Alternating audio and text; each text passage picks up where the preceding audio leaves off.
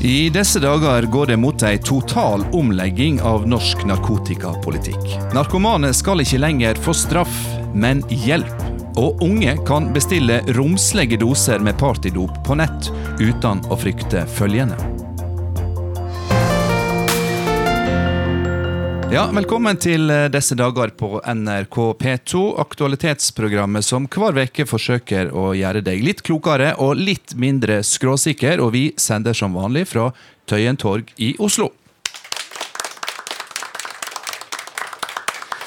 Rett før jul kom Rusreformutvalget med en rapport som av mange ble oppfatta som rene evangeliet. For eh, konklusjonen fra utvalget og leder Runar Torgersen ble et vektig innlegg i debatten som har gått over tiår. På bakgrunn av denne analysen har utvalget konkludert med at det er hensiktsmessig med en dreining fra straff til hjelp.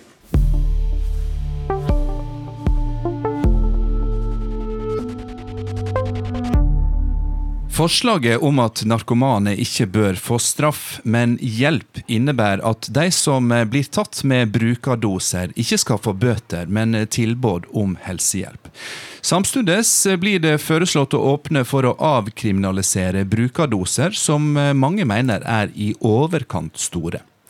Er dette i praksis ei legalisering av narkotika, spør vi i disse dager. Og hva skjer med narkotikabruken blant unge som lett kan bestille det de vil på nett, uten å risikere straff? I dag får du være med å leite etter narkotika blant pakker og konvolutter på postsentralen. Du får møte den skuffa politimannen, forskeren som har fulgt narkotikatrafikken på nettet, og legen som minner oss om at alle de ulovlige stoffene en gang var lovlige.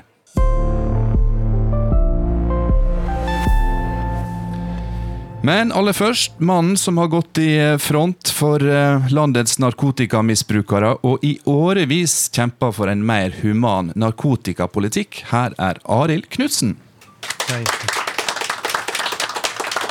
Velkommen, Arild. Tusen takk for det. Du er jo eh, i tillegg til å være frontfigur for narkomane sjøl tidligere narkoman, eller er du nå en nykter narkoman? Eller? Ja, det kaller meg vel, Jeg vet ikke hvor lenge man må være det, men jeg er en tidligere stoffbruker og har hatt alvorlige stoffproblemer i mange år. Ja. Hvordan har du blitt straffa opp igjennom, Arild, for din eh, bruk og, og ditt misbruk av narkotika? Da jeg vokste opp i bydel i Oslo, så foregikk det mye dumt blant ungdom. Vold, hensynsløshet, eh, eh, alkoholbruk som er slik at de satte seg i sårbare situasjoner som foreldrene neppe ønsket at de skulle være i, og som også eh, økte risiko for ulykker, vold, voldtekter og mye annet. Men eh, det var når vi begynte å småflørte litt med cannabis, at vi var på fornavn med politiet. Jeg ble jaga, jeg ble behandla som en fiende av samfunnet. Jeg ble veldig stigmatisert provosert, sånn at uh, foreldre sa til alle andre nå, han må du holde deg unna. Og, uh, og ofte satt på glattcelle for at jeg hadde litt grann på meg, eller satt og røyka i en skolegård eller et eller annet sånt. Mm. Ja, for det er jo slik at De som blir tatt med brukerdoser av uh, illegale stoff, blir bøtelagde, men enda likevel ofte opp i fengsel. Ja, det dreier seg stort sett om tunge stoffbrukere. Man sier jo nå at vi har kommet såpass langt fra den forferdelige undertrykkingen som holdt på på 80, altså når jeg begynte på 80-tallet. Det var akkurat i de årene det gikk opp til livstidsstraff i fengsel. En av de som var to år eldre meg og solgte litt hasj til meg, han hadde jo selvfølgelig litt mer, kanskje en hekto eller noe sånt. Ble satt i 14 14 år i fengsel. Var, vi var jo helt knust. Men eh, i dag så er det slik at det tunge stoffbrukere, som selvsagt ikke har råd til å betale bøter, de settes inn for ti og ti og ti og ti dager, sånn at det blir noen måneder. Og det er eh, fryktelig uforsvarlig, fordi det er nettopp på vei ut fra fengsel for tunge stoffbrukere at overdosedødeligheten er den største faren. Ja, Vi skal senere i sendinga snakke om eh hvorfor det plutselig ble eh, veldig mye mer straffbart å eh, ha narkotika. Vi skal få forklaringer på det. Men tilbake til hva det gjør med narkotikamisbrukere å bli møtt med straff, Arild. Eh, de som ikke har råd til å betale bøtene, må sone i fengsel. Hva fører det til for de narkomane? Altså det fører jo til at man er harde og tøffe og brutale mot hverandre i markedet, fordi man har så stor risiko. Og det fører til at alle andre må holde totalt eh, skjult for. Eh, og for unge brukere, for eh, nå er vi jo alle enige i forbindelse med rusreformen at tunge brukere skal ikke straffes, de skal tilbys hjelp. Og så foreslår Rusreformutvalget at man også skal avkriminalisere bruk og besittelse av til eget bruk for eksperimenterende og sporadiske brukere unge. Det er her vi kan gå inn og, og bistå før det blir et problem. Øvre myndighetene, landets myndigheter behandler deg som en kriminell fordi du bruker rusmidler som ikke er andre rusmidler enn alkohol, så gjenspeiler det seg i lokalsamfunnet. Vi lærer av myndighetene at dette skal du møte med stigmatisering, utstøting, sanksjoner og straff. og Derfor så er jo eh, de viktigste ressurspersonene i lokalsamfunnet de siste de unge kan gå til når de merker at det begynner å gå galt. Og Det kjente jeg veldig mye på i oppveksten. Jeg våkna hver morgen og var så lei meg, fordi nå hadde jeg holdt på i ukevis hver eneste dag. Så hadde jeg rusa meg så sønder og sammen, gått glipp av så mye. Folk likte meg ikke. Hvis jeg ble litt forelska i en jente, så var jo ikke jeg interessant, for jeg gikk jo rundt og var svingstang og sånne ting. I dag vil jeg gjøre noe. Men hvor skulle jeg da gå og snakke med noen? Det kan jeg ikke, fordi, fordi det, jeg blir møtt med skuffelse, fordømmelse, sanksjoner og straff. Og det er ikke den måten man skal behandle mennesker med rusproblemer. Man, eh, du ser jo i media ofte nå at de sier at eh, ungdommen på sosiale medier de driver med sånn der narkotikaforherligelse. Altså Jeg hadde det veldig vanskelig, derfor så var stoff for meg eh, ganske herlig når jeg brukte det. Og den der fordømmelsen og stigmatiseringen, istedenfor å skjønne at hvis det er så veldig herlig du ser jo på meg nå. Jeg bruker jo ikke stoffer lenger. Det er fordi jeg har det ikke så forferdelig. Så det hadde ikke vært herlig for meg å bruke stoffer.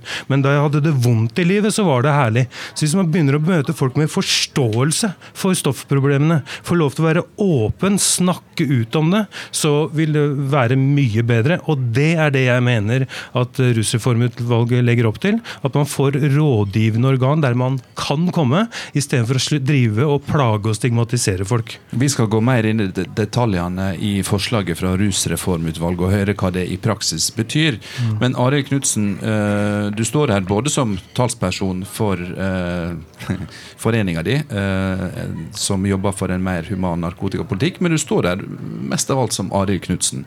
Ja. En mann på 50 år som begynte å ruse seg da han var 14, og som har blitt straffa for det opp igjennom. Mm. Da er mitt spørsmål ikke hva livet ditt hadde vært uten stoff, men hva hadde livet ditt vært uten straff? Da hadde jo ikke rusproblemene blitt så omfattende og forferdelig som det de ble. fordi da kunne jeg istedenfor å bare være sammen med folk som eh, driver et svart marked, og som bare har hverandre å snakke med, kunnet være åpen eh, og fått kontakt med folk mye tidligere.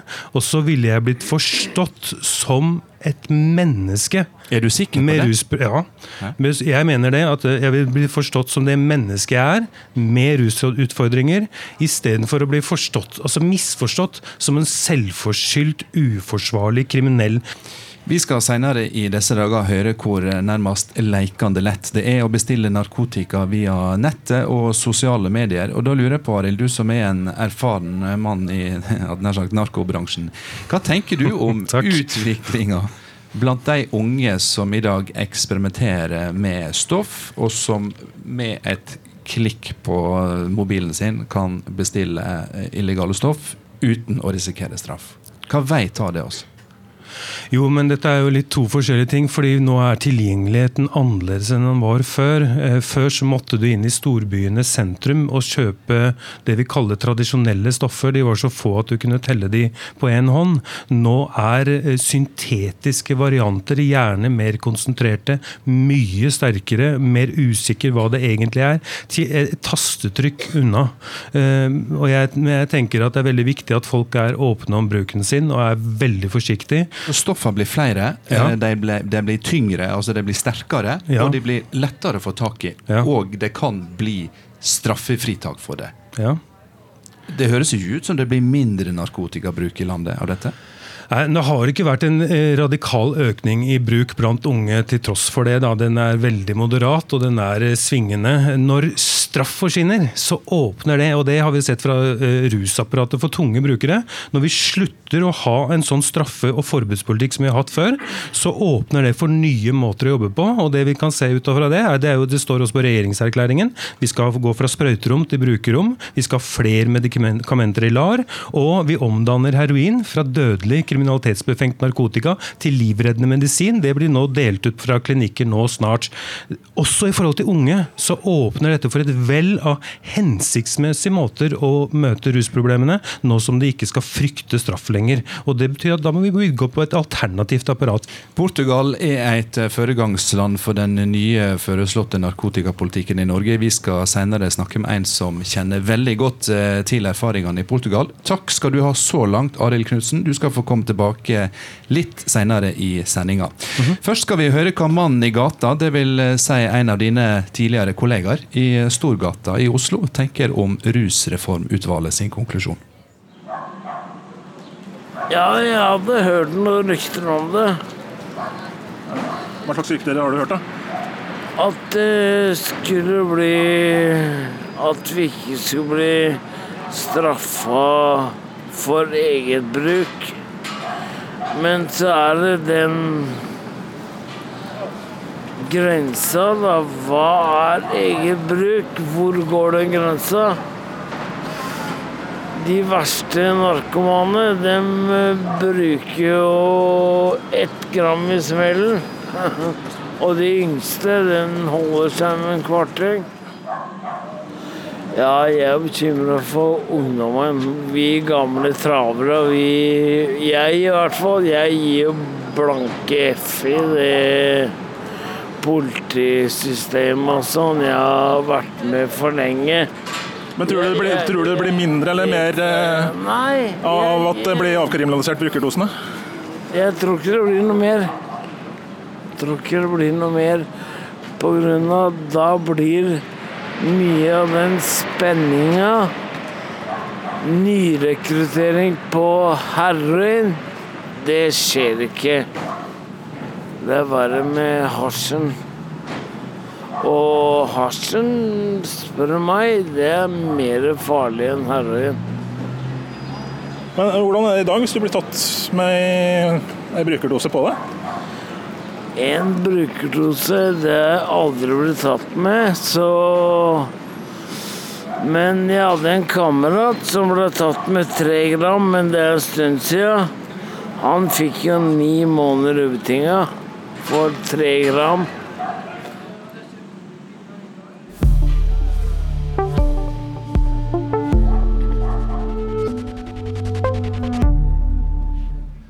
Allerede i desember 2017 var det klart at det var et flertall på Stortinget for at narkotikabruk skulle møtes med hjelp heller enn straff.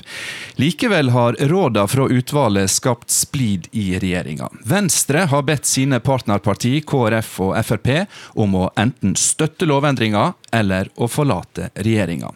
Vi tar inn motpolene i norsk narkotikadebatt. Her er Sveinung Rotevatn fra Venstre og lederen i Norsk Narkotikapolitiforening, Jan Erik Bresil. Jeg starter med deg, Sveinung Rotevatn, statssekretær nå i Miljø- og klimadepartementet. Hvorfor er avkriminalisering av narkotika så viktig for dere at dere ber KrF og Frp enten om å stemme for eller forsvinne? Dette er en svært viktig sak for Venstre og har vært det i, i, veldig mange år. og det har med å gjøre at, eh, i fall Fra Venstres side så mener vi at sosiale problem de løser vi ikke med bruk av straff, de løser vi med bruk av sosiale virkemiddel. Um, og det at noen bruker rusmiddel, det være seg ulovlige rusmiddel eller lovlige rusmiddel, det kan i høyeste grad være et problem for deg, eh, og mange trenger hjelp for å komme seg ut av det. Men det er fint lite av norske erfaringer eller andre erfaringer som tyder på at det å gi folk høye bøter de ikke kan betale, eller putte dem i fengsel, hjelper noe som helst på den veien, snarere tvert imot. Derfor er det en viktig sak for Venstre.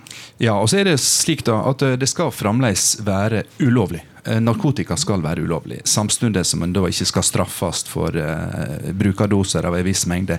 Men hvordan skal det bli råd å håndheve et forbud mot narkotika uten å ha sanksjonsmiddel? Jo, men du vil ha sanksjonsmiddel mot det som fortsatt skal være straffbart. Det skal fortsatt være straffbart å innføre og selge og deale disse stoffene til andre. Det du fjerner straff for, er jo det å putte dem i egen kropp, altså å gjøre skade på seg sjøl. Ja, marknaden, altså. Ja, men Det er et veldig grunnleggende prinsipp i norsk strafferett heldigvis, at når vi bruker straff, så er det for å eh, håndtere problem der en skader andre. Vi bruker normalt ikke straff for å hindre folk i å skade seg sjøl. Narkotika er et unntak fra det. Det er et dårlig begrunna unntak som har gitt oss mye elendighet opp gjennom åra. Det har vært det som eh, professor Johs Andenes i sin tid kalte vår tids største feilinvestering i straff. Og endelig er vi i ferd med å rulle det tilbake. og det er en viktig seier for mange som har kjempa for det i mange år. Jan Erik Bresil, du eh, organiserer 3700 medlemmer fra både politiet, tolletaten, Forsvaret og kriminalomsorga i Norsk Narkotikapolitiforening. Du sier at Rusreformutvalgets anbefaling er skuffende. Hmm. Hva er skuffende? Nei, jeg syns det er skuffende, for vi, som det allerede er blitt sagt her, så er det en stor og brei enighet om at de som er rusavhengige og som sliter med narkotikaavhengighet, de skal få hjelp. Og norsk narkotikapolitikk har endret seg betydelig de siste 20-30 årene. Eh, vi har en helt annen tilgang på hjelp i hjelpeapparatet. Eh, man har sett at f.eks. straff ikke er i veien for at flere tunge misbrukere skal få hjelp. Man har i legemiddelassistert rehabilitering, LAR, så har man hatt en økning vel på de siste 20 årene fra 400 til 8000 brukere. Så vi Men viser at vi klarer det. Men du mener likevel det skal være straffbart å bruke narkotika og ha narkotika på kroppen eller hjemme hos seg. Ja, og Grunnen til at vi mener det, det er ikke fordi at vi tror at en bot på 2000 kroner vil kurere eller hjelpe noen. Men det er virkemidlene som ligger bak dette, og det er den normdannende effekten overfor barn og unge som ikke har den tunge bakgrunnen som Arild beskrev her i sted. Vi ønsker at færrest mulig skal prøve narkotika, og at vi skal få færre tunge rusmisbrukere som vi må hjelpe på sikt. Det er utrolig viktig for oss. Og Det som dette utvalget gjør ved å gå mye lenger enn Portugal f.eks., altså det blir vel kanskje en av de mest liberale politikkene man har sett, så går man såpass langt at man vingeklipper politiet sin eh, innsats både mot narkotikasalg og organisert kriminalitet. På hva måte? Annet ved å foreslå at 20-30 eh, brukerdoser av hver type stoff skal eh, da kunne uten reaksjoner gås rundt med, handles på nett, handles på gata. Man skal da bli tilbudt eh, å møte til en samtale, og hvis man ikke vil møte, så skjer det ingenting. Og Noe av den største utfordringen vi har i bomiljø, på skoler rundt omkring, det er jo dette småsalget som er det mest synlige.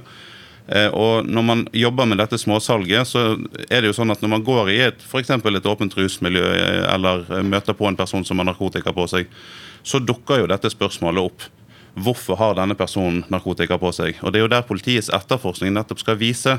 Snakker vi her om en narkotikaavhengig som trenger hjelp? Snakker vi om en som har dette for salg, for, som transporterer dette? Men de virkemidlene som politiet trenger for å kunne avdekke dette, det finnes jo da gjerne altså Når personen sier nei, jeg har kjøpt dette her, disse 14 grammene med cannabis, de har jeg kjøpt til mitt eget bruk. Men blir, da, blir politiet da maktesløse i forhold til å kroppsvisitere, ransake, ja, sjekke mobiltelefon osv.? Ja, og, og disse stedene og på bopel kan det ligge narkotikaregnskap, der kan det ringe depot, kontanter. På telefonen så finner vi jo da gjerne bevis for om ok, du har faktisk bestilt det deg sjøl, eller motsatt, at det ligger masse kundemeldinger og du selger. Så de uro er knytta til dømme med at det møter en storkriminell eh, som kan ha mye rart på samvittighet, og som har narkotika i lomma, men dere må la vedkommende gå og anbefale han eller henne om å ta en tur til helsevesenet. Det er den ene biten av det. Eh, eneste måten vi kan utløse de hjemlene på med det forslaget som foreligger nå, er jo å ha da det setter skjellig grunn til mistanke for salg allerede i forkant. Dvs. Si at man må sette i verk spaning og informasjonsinnhenting. og Det egner seg jo fint i store saker, men ikke i de små sakene. Rotevatn, som tidligere statssekretær i Justisdepartementet tar jeg for gitt at du bryr deg om politiets vilkår for å gjøre jobben sin. Hvordan mener du at politiet skal greie å hindre omsetnad av narkotika, når de verken kan visitere, ransake eller ta urinprøver? Jeg bryr meg i høyeste grad om politiets mulighet til å gjøre jobben sin, eh, ikke minst mot det som er virkelig alvorlig og skadelig kriminalitet. Eh, og så er det jo et eh, ordtak som er, er noe slik som at hvis det eneste verktøyet du har er en hammer, så ser alle problemer ut som spiker.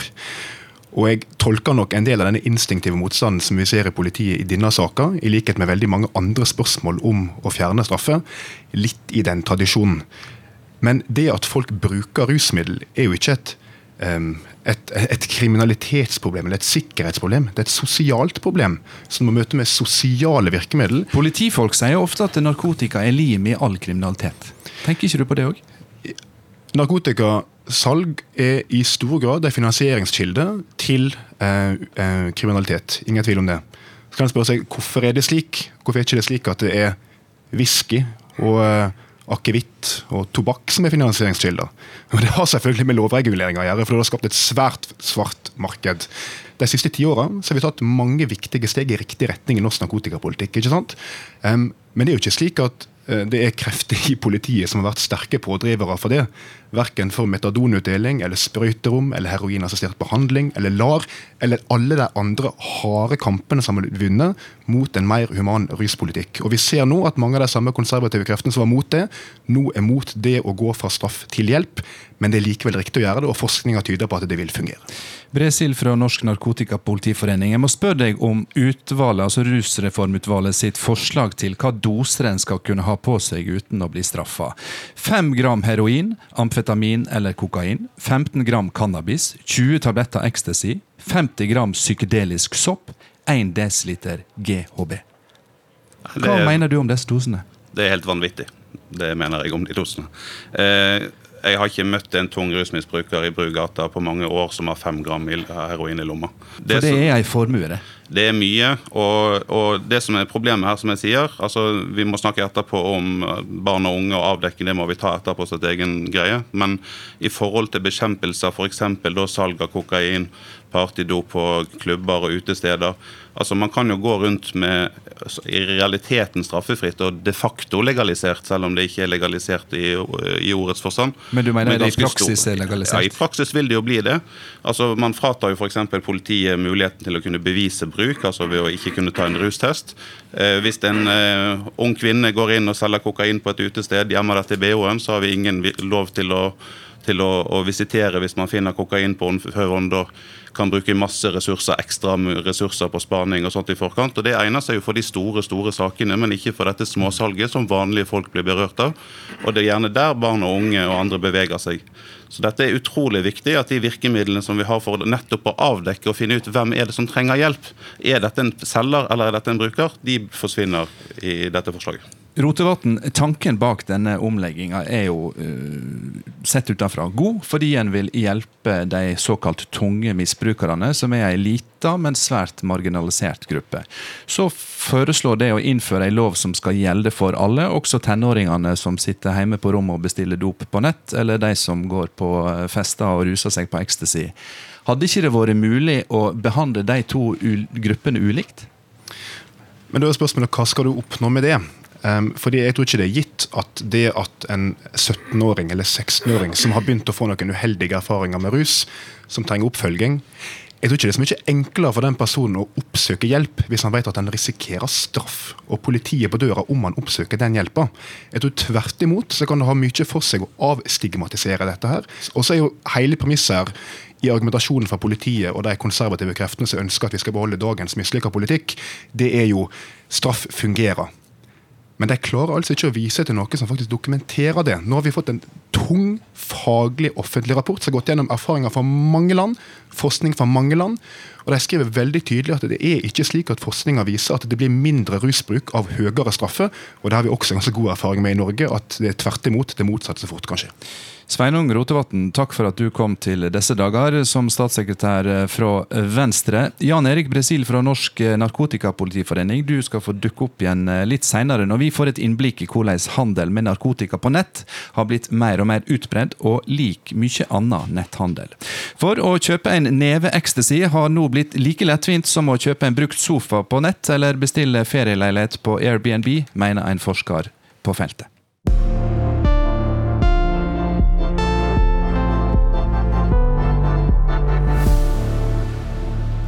Først i disse dager skal vi se nærere på det landet som eh, er rollemodell for den politikken som nå blir foreslått eh, innført i Norge, nemlig Portugal.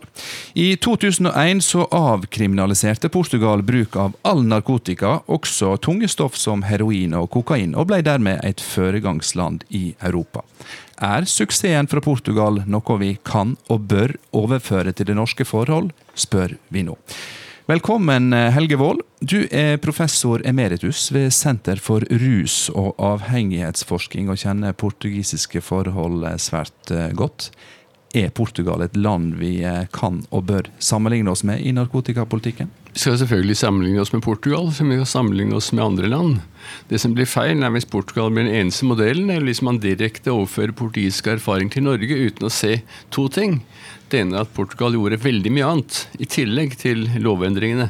Og kanskje de største forandringene i Portugal var egentlig en omlegging av hele reaksjonssystemet, hele behandlingssystemet, hvor de både innførte og, skal, og bygget opp en hel rekke behandlingsinstanser og lavterskel LAR, eller lavterskel metadonbehandling. I tillegg til at de også sanerte store slumstrøk, som var, var, var de store, store produ produsentene av problemer. Så alt de gjorde i tillegg. Som de også, også bygget opp et, et, regionalt rådgivnings- og behandlingssystem. Og veldig mye av de tingene har vi på langt vei gjort i Norge fra før av. Så utgangspunktet var mye verre da i Portugal? Veldig mye verre. Ja. Altså, de hadde en, hadde en, kort periode fra Salazars diktatoriske regime brøt sammen i 76, til en, en, slags, en slags, kaosperiode. Hvor de verken hadde, hadde, hadde, systematisk tenkning eller noen slags spesiell holdning. Hvor problemene vokste uten at de hadde verken tenkning rundt det eller tiltak på det. Bortsett fra et massivt politi som var lært opp i Salazars diktatoriske metoder. Kan vi da si at uh, suksessen i Portugal er med, med, tanke på det dårlige utgangspunktet mindre enn den, uh, den blir omtalt som? Altså, suksessen var, var, jo knyttet til at de la om store deler av hele behandlings- og sosialsystemet. Slik at de har klart hatt en store gunstige effekter, men det blir veldig forenklet å tilskrive det til endringene i, i, i lovgivningssystemet eller eh, reaksjonssystemet når det gjelder eh, bruk og besittelse av små narkotikamengder. Så kan man likevel si at det er mye vi kan lære av det. Og man kan lære av det at det bl.a. ikke fører til den massive bruksøkningen som mange fryktet. Slik at både i Portugal og en hel rekke andre land så kan man si at en nedjustering av straffene, eller en minsket bruk av politimessig inngrep i brukssituasjoner, har ikke ført til de dramatiske skadelige tingene som mange var redd for. Men det er én ting som eh, en ser i utviklinga fra Portugal, og det er at eh, pasienter som har som er avhengig av cannabis, og som har utvikla psykose eller schizofreni, har økt med nesten 3000% fra år 2000 til 2015. Det blir så vanskelig å bruke disse statistikkene og prosentvise endringene, enten det gjelder økningen av schizofreniproblemene eller psykoseproblemene, eller det gjelder minskning av hiv-smitte eller minskning av overdoseproblemene. Men det er jo en del av debatten jo, rundt straff Jo, men Det er akkurat det som irriterer meg litt. At man, man, man lager, en, lager en masse påstander om endringen i Portugal som man tror har sammenheng med legaliseringsendringen. Det er det ene. Og det andre er at det blir også veldig ofte fremstilt som om Portugal har legalisert. Det har det jo slett ikke gjort. Det er like fortsatt forbudt å bruke narkotika, men det blir ikke straffet med straffeloven. Og Det blir straffet sivilrettslig, og det er det for så vidt også som, som Reformutvalget foreslår. De foreslår ikke legalisering. Og det har jeg alltid ment, at det er, det er straffeloven. Det er uhensiktsmessig å bruke straffeloven i forhold til, til, til lite alvorlige handlinger. Men da er spørsmålet, Helge Wold, du er psykiater og har god greie på menneskesinnet. Er løsninga, hvis den ikke ligger i straffa, er løsninga da frivillige ordninger med å søke helsehjelp? Altså, det sies så mye rart. Det er ikke det minste i veien for at man en dag kan søke helsehjelp. Og det, det å tro at man blir henvist til politiet hvis man går til en psykolog, eller går til sosial, kommunens rådgivningstjeneste eller til psykiatrien, jeg tror ikke det har forekommet de siste 30 årene at disse hjelpeinstansene har henvist eller tilkalt politiet. Og Jeg tror heller ikke at ungdom stort sett er engstelige for å gå til skolesøster eller helsesøster for å tro at helsesøster tilkaller politiet. Det er viktig at vi har bygget opp en hel rekke rådgivningstjenester og, hjelpetjenester og sosialtjenester i Norge over de siste 10 årene, 10-15 årene. Og tråd, det, det, er jo noe av det som man tror skyldes at endringen skyldes lovgivningen, men det er bare i liten grad gjør det. Altså, sånn sett så altså, Jeg mener jo riktig, at det er riktig å overføre alminnelig bruk um, og små mengder til, sivilrettslig reaksjon. Men jeg, men jeg synes det overdrives veldig betydning av det. Og jeg tror også at man overdriver eh, endringen hvis den forstås rett. Men hvis den derimot forstås slik som deres Unge Venstre og mange andre instanser, at nå er det, nå er det en svær endring av narkotikapolitikk i Norge. Nå, skal, nå, er det liksom ikke lenger farlig, nå er det ikke lenger straffbart.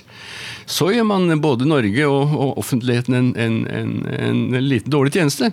Både fordi det ikke er sant, og fordi det kan ha uheldige følger. Husk på det at det farligste stoffene i Norge, det er illegale. Ja. Det er alkohol og de legale stoffene som skaper størst problemer.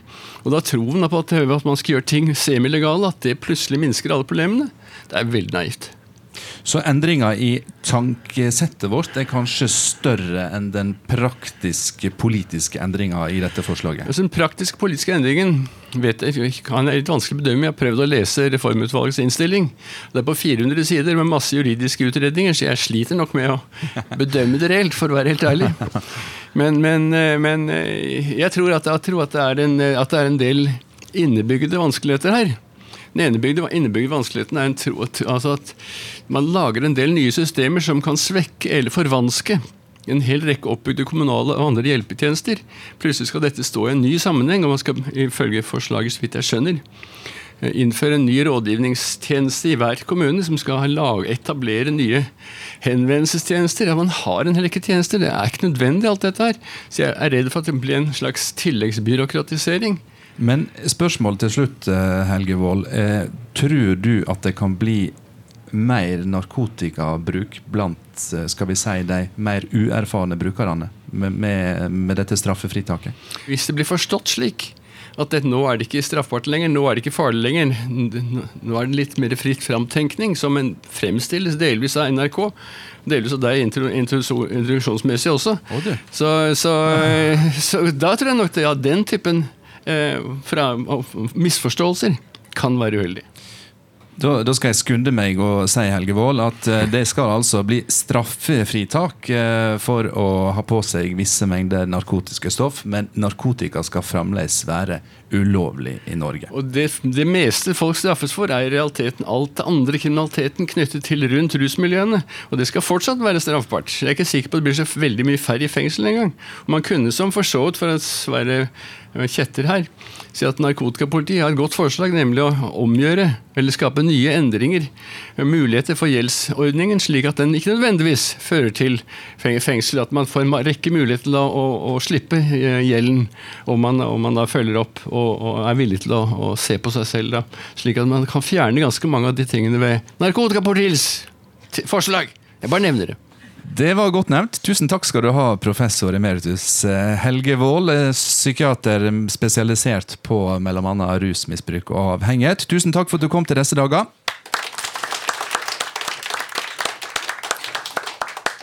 Nå skal vi straks grave i innkommende post sammen med Tollvesenet på jakt etter narkotika.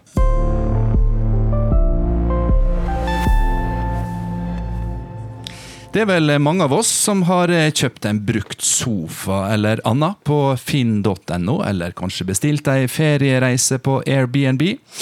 For det meste kan kjøpes på nett, også narkotika. Og de som bestiller dop digitalt, får varene sine sendt med post til Norge. Men der, på eh, Posten sin sorteringssentral på Lørenskog, venter tollvesenet og kontorsjef Lars Teigen, og vi var med da han eh, talte opp dagens fangst. Det er ecstasy, hasj, LSD, MDMA, også virkestoffet i ecstasy.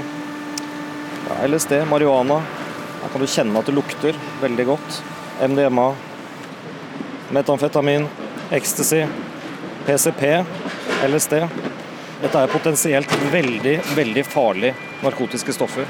Hvor eh, mikrogram av feildoseringer kan få fatale konsekvenser. Og det er jo en utvikling vi har sett, at ungdom eh, har en rus, debuterer med en inngang til rus med veldig farlige narkotiske stoffer, og mindre av den tradisjonelle cannabisen som vi, som vi kanskje så før. Ja, har det vært en utvikling ellers i forhold til mengde og sånne ting? Ja, det har det. Altså, det har alltid, Posten har alltid vært brukt som kurer til Norge. Det er billig, det koster deg et frimerke. Men det er klart, nå har jo fokuset på post blitt større, som har gjort også at tallene har økt. Så hva som har vært historisk, det, vi jo, det vet vi jo veldig lite om. Men tallene våre øker. Men det er også fordi at fokuset og prioriteringene på post også øker. Men nå står vi på Østlandssentralen, en plass der mesteparten av posten fra utlandet inn til Norge kommer. Er enormt mye post som går gjennom her, og du har en håndfull mennesker rundt bordet her som, som åpner post. Hvor finmetta er det garnet dere har? Altså, det kommer mange titalls millioner sendinger hit hvert år. Eh, vi er ikke så mange, eh, så det sier at vi kan ikke åpne alt. Men vi, eh, vi er gode på å selektere utplukkene våre ut ifra kunnskap, etterretning og god bruk av hjelpemidler. Samt også den magefølelsen som vi liker å, å fortelle at, at, vi har, og har opparbeida oss gjennom mange år med, med erfaring. I utplukket så bruker vi mye røntgen. Vi vet jo ikke hva som er i pakka, men vi, ut ifra bildet så danner vi oss et inntrykk av om det kan være et avvik i pakka. Narkotika er mer komplisert fordi at det er eh, lav tetthet på det, og da må vi bruke andre metoder. Vi bruker hund, eh, men også mye manuelt arbeid. Nå er det jo en utvikling der eh, kjøp og salg av eh, narkotiske stoffer på internett blir stadig mer vanlig. Merkes det hos dere? Ja, det gjør vi jo. Altså, vi ser jo at uh, dette her Noe fremstår jo som rene kjøp. Altså Man kjøper narkotika. Man får en, altså en takk for din bestilling-lapp med oppi. Man kan velge på nettsiden å designe hvordan utseendet på konvolutten skal se ut, f.eks. Og dette her er jo en, en sånn kreativitetsindustri, hvor de på en måte prøver da hele tiden å skjule dette her for uh, for myndighetene. Jeg så et brev her som ser ut som fiskeutstyr. Den der. Ja. Her ligger det 50 ecstasy og 50 gram med, med rein eh, MDMA, som er virkestoffet ecstasy. Og det er jo kamuflert som om det skulle være sendt eh, fra en fiskebutikk. Den kommer sendt fra Tyskland.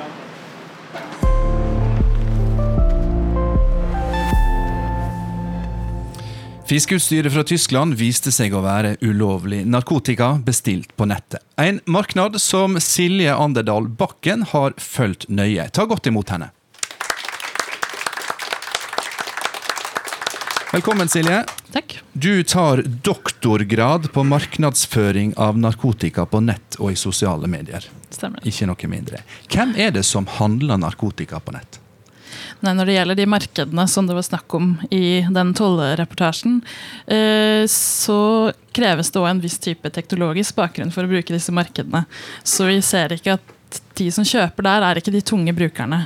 Eh, som man ser fra, eh, fra Burgata og gata. men dette er heller da unge menn, ofte i full jobb, full studier, ofte med høyere utdanning, som er spesielt interessert i narkotika, og ofte da eksperimenterer med ulike eh, type stoffer ulike typer virkninger. Eh, og som leser seg godt opp både på de narkotiske stoffene som de vil, eh, vil ta, men òg eh, på teknologi. Det er lett for hvem som helst å gå inn der og se, og se hva som selges, og se eh, og lese disse annonsene for narkotika.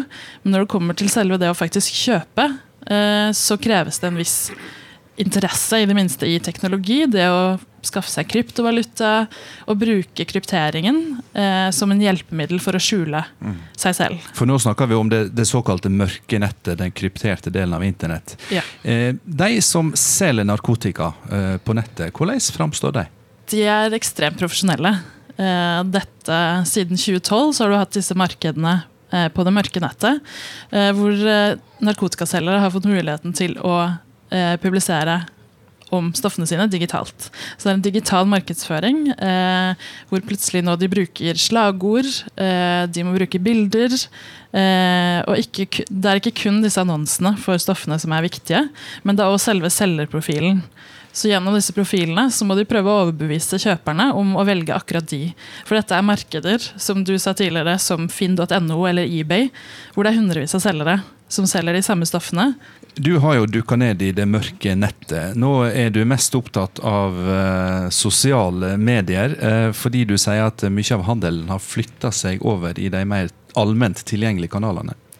Ja, eller det vi ser er at De som velger det mørke nettet, er da noen som som sagt har interesse i teknologi, men sosiale medier er mye mer tilgjengelig for hver og en av oss. Fordi det er ting vi bruker daglig. Vi kommuniserer om alt mulig på sosiale medier, og nå kommuniseres det også om narkotika. Hva kanal er det som er mest brukt, da? Eh, vi hadde en nordisk studie eh, for et par år siden hvor vi så på de nordiske landene og vi så store forskjeller. F.eks. For i Sverige, og Danmark og Island så er Facebook veldig populært. Hvor det legges ut Det opprettes grupper hvor selgere da poster om narkotiske stoffer. Finland og Norge derimot skilte seg ut. I Norge så er nordmenn er mye mer engstelige for å publisere noe. Selv om det er i en lukket gruppe. Eh, så her foregår ting mer skjult, som f.eks.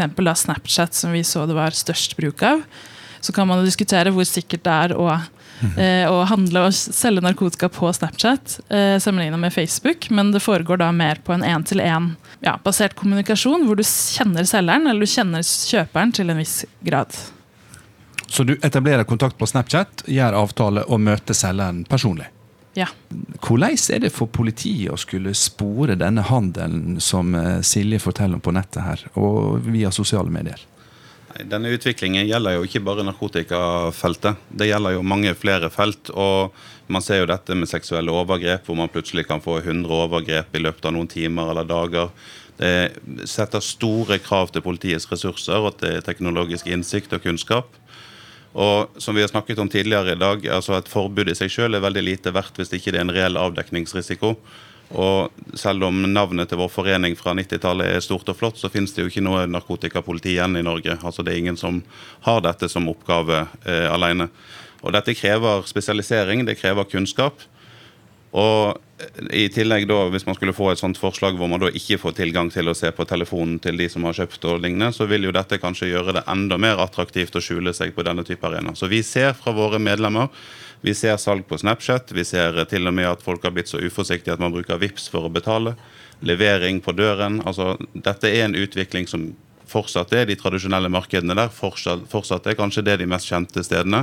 Men vi ser en urovekkende utvikling som på samme måte som annen kriminalitet vil sette mye større krav til politiets ressurs og kompetanse.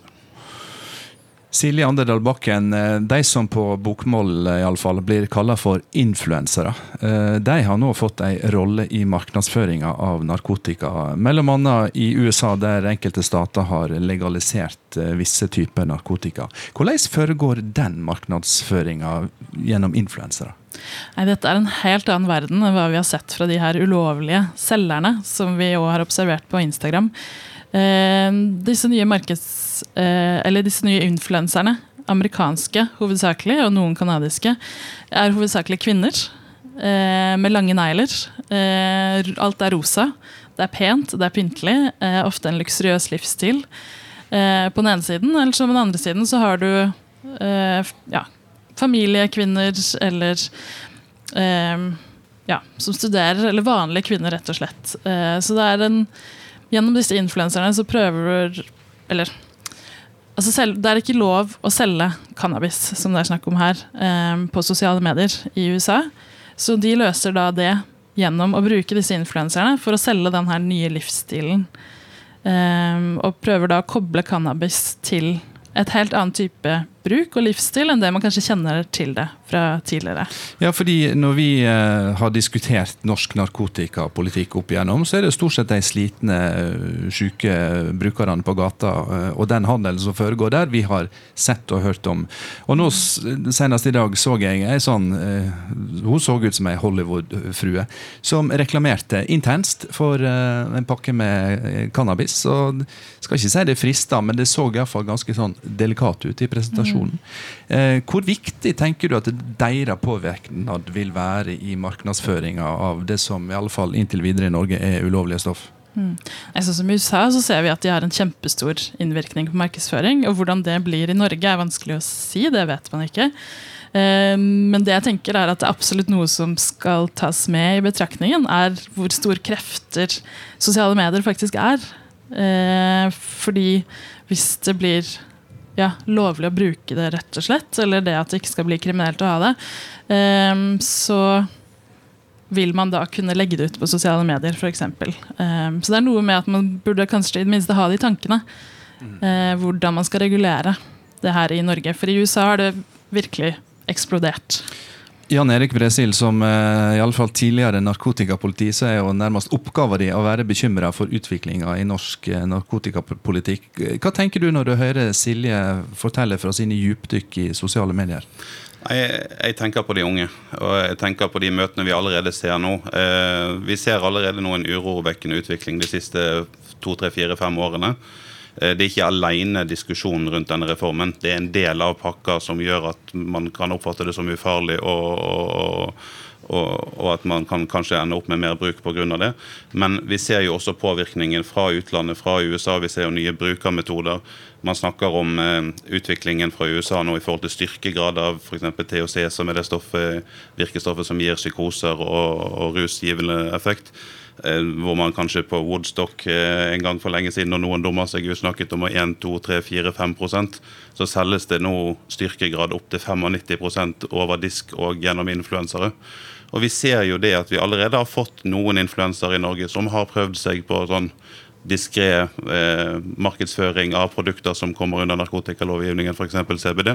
Og vi ser at man på Instagram og sånn skryter, og mange unge følger disse.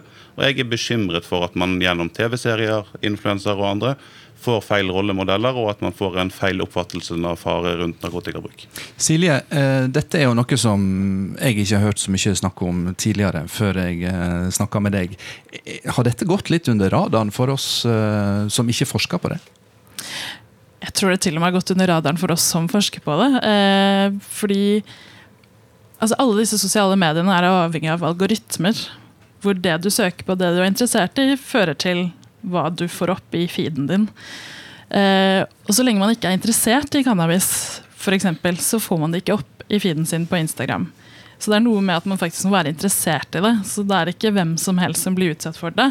Men noe annet er om eh, altså influensere som er kjent fra andre ting, plutselig begynner å bruke det, så vil jo det da bli en del av, av hva de unge utsettes for, hvis man skal si det sånn. Men de her rene cannabisinfluenserne de dukker først opp hvis man har en interesse for cannabis. Takk skal du ha, Silje Anderdal Bakken, som er doktorgradsstipendiat ved Københavns universitet. Og takk også til Jan Erik Bresil, som er leder i Norsk Narkotikapolitiforening. Vi har nå snakka om nye digitale markeder for narkotikahandel. Vi eh, skal snakke om eh, fortida. Vi skal tilbake i norsk narkotikahistorie. Den gang amfetamin og heroin var råd å få på resept.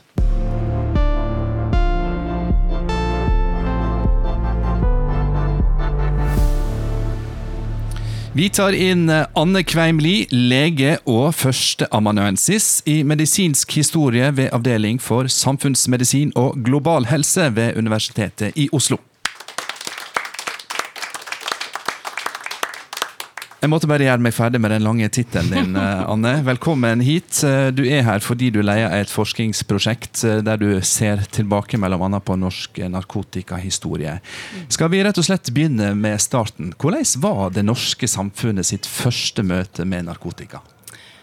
Eh, det første møtet med det såkalte narkotikaproblemet, som du kanskje mener, eh, det var eh, på i 1966-1967, hvor Norge for første gang møtte dette fenomenet med at eh, ungdom skaffet seg eh, illegal, eller stoffer på illegalt, narkotiske stoffer på illegalt vis. Eh, og du fikk en ansamling av ungdom, særlig det såkalte Nissaberget i Slottsparken, mm. hvor de satt og filosoferte og røkte cannabis.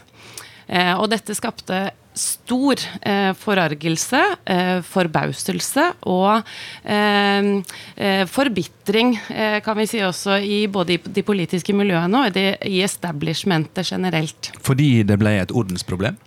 Eh, ja, altså du kan si Først og fremst så var man jo opptatt av at dette var et, en del av et ungdomsopprør. Eh, og det var noe man ikke hadde sett før i Norge. altså Dette var jo ikke nytt i andre land, men i Norge var det helt nytt. Eh, det var jo ikke nytt at folk misbrukte de såkalte narkotiske, narkotiske, stoffene. Vi hadde jo hatt avhengighet av legemidler, altså morfinlignende legemidler tidligere, og det hadde vært erkjent som et problem. Ja, la oss stoppe litt der. fordi hvem var det som misbrukte narkotika før eh, de samla seg i Slottsparken? Det var jo folk av høyere rang. Ja, Stort sett var det folk som enten var helsepersonell selv og hadde lett tilgang til disse stoffene gjennom arbeidet sitt, eller det var folk som var gift med en lege, eller nabo med en lege, eller venn med en lege, og eh, hadde begynt å bruke eh, morfinlignende stoffer, og så ble avhengig av det, og fikk for, eh, fortsatt forskrivningen sin av en lege de kjente. Så på Vi fikk en klinikk for eh, Den såkalte Statens klinikk for narkomane ble etablert på begynnelsen av 60-tallet, og der var det klassiske klientellet. De ble de kalt de klassiske narkomane når disse nye ungdomsnarkomane begynte å komme inn i bildet. Og de som var der, det var liksom middelklassen, veldig mange kvinner, og veldig mange av dem med eh, høy utdanning eller kom fra, fra den type bakgrunn. Men så skjedde det noe på 80-tallet. Da var plutselig uh, alt dette et uh, stort problem. Det var amerikanske presidenter som begynte å snakke om narkotika som folkefiende nummer én.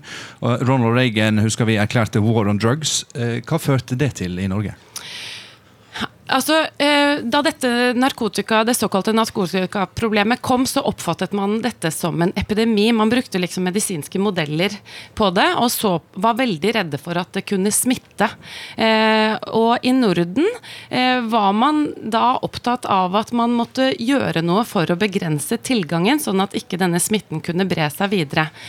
Ehm, men samtidig var man, og man var opptatt av at mens den tidligere narkomanien hadde blitt sett på som en sykdom som eh, karakteriserte enkeltindividet, så man nå på narkomaniproblemet som et sosialt problem, ikke et medisinsk problem. Eh, og etter hvert ble man også mer og mer opptatt av at man, det måtte straff til for å hindre at denne epidemien, som de kalte det, i hvert fall i starten, spredte seg. For eh, målet, målet, med denne politikken som ble innført eh, på 80-tallet, vi har hørt at straffene øka voldsomt, eh, nærmest over natta. Målet her var et narkotikafritt samfunn. En slags nulltoleranse etter amerikansk modell. Hva gjorde det med norsk narkotikapolitikk? Det gjorde at man, altså For det første så gjorde det at man satte et veldig skarpt skille mellom de såkalte legale og de illegale stoffene. Eh, for det andre så førte det nok Det er ikke bare kriminalisering som fører til stigmatisering. Altså alkohol, jeg vil bare si det, alkoholavhengighet er jo også veldig en stigmatisert lidelse. Eh, tobakksavhengighet begynner å bli det. Men, det var, men kriminalisering er et veldig viktig incitament for stigmatisering. Så det gjorde at det ble mer stigmatisert å være avhengig av narkotika. Det er helt klart. Og det gjorde også at man rammet eh, de som, eh, var, som slet mest. Man var i utgangspunktet ikke opptatt av å straffe de hardest rammede. Man var opptatt av å nå denne utopiske drømmen om det narkotikafrie samfunnet. Og da tenkte man at det eh, Ja, det var en bieffekt av politikken at man skulle ramme disse som var hardest utsatt, men det var noe man faktisk måtte hvis man skulle nå denne dette eh, målet som man ikke anså som uoppnåelig. Altså. Man anså det som et oppnåelig mål å få til det narkotikafrie samfunn. I hvert fall i en kort periode på 80-tallet. Og vi var jo veldig preget av USA. Nå hørte vi om USA preger dagens eh, debatt, men vi var veldig preget av USA på den tiden også. USA pusha voldsomt på for å få alle land til å gå med på den veldig restriktive narkotikapolitikk som de førte. Du er lege og eh, forsker på narkotikafortida vår. Eh, når du nå har hørt hva som er i vente, eller kanskje i vente i framtida, hva tenker du med den kunnskapen du har om fortida vår, om norsk narkotikapolitikk sin framtid? Historikere blir alltid spurt om fremtiden, og det er vi egentlig ganske dårlige til å spå noe om. Men jeg tror jo det er en stor Jeg tror kanskje den, den, største, den største endringen vi ser nå, er at vi opphever dette skillet som ble veldig sterkt skapt på 60-tallet eh, mellom illegale og legale narkotiske stoffer. Jeg tror det er et, et uh, uhensiktsmessig skille. Og jeg tror det er den veien narkotikapolitikken nå må gå. At man mer ser på problematisk bruk enn på, eh, enn på selve stoffet i seg selv. Tusen takk, Anne Kveim Li, lege og førsteamanuensis, som eh, forsker på narkotikahistorie i Norge. Takk skal du ha.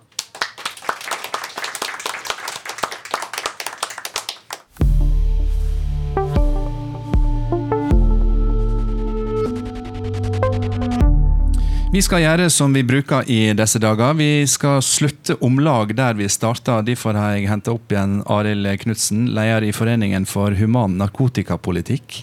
Eh, vi slutter her å snakke om eh, stigmaet som kriminalisering har eh, ført med seg for de narkomane.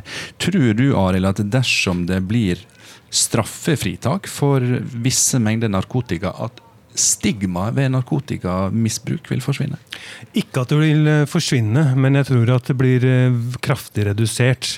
Det er selvfølgelig slik ennå at eh, alkohol, som det ble sagt, alkoholavhengighet blir også stigmatisert. og det er fordi avhengighet misforstås som en type karakterbrist, som en personlig svakhet. Eh, og ved siden av at vi nå kommer inn i en rusreform, så har vi også fått erverva ganske mye ny kunnskap om hva avhengighet egentlig er, og hva rusmiddelbruk skyldes. Så jeg tenker at når du ikke blir forstått som en kriminell, men en med rusproblemer, så vil vi omdefinere rusproblematikk fra å bli sett på som noe kriminelt som en må ta kontroll på og plage deg for, til at vi i større grad åpner vi, altså vi går fra uniformerte knyttnever til åpne, hjelpende hender, og da endres holdningene deretter. Det var et vakkert bilde. Jeg har lyst til å gi oss der. Jeg. Tusen takk, eh, Arild Knutsen, for eh, bruk av fine metafor. Tiårets eh, første utgave av Disse dager går inn i podkastmodus og kan høres om igjen når du vil. Ansvarlige for denne sendinga var Helje Marie Thorsdotter Svensson, teknisk ansvarlig, sammen med Fredrik Nordin. Reporter var Lars Erik Gertsgaard Ringen. Produsenten var Marte Rommetveit, og jeg heter Håkon Haugsbø og takker for følget.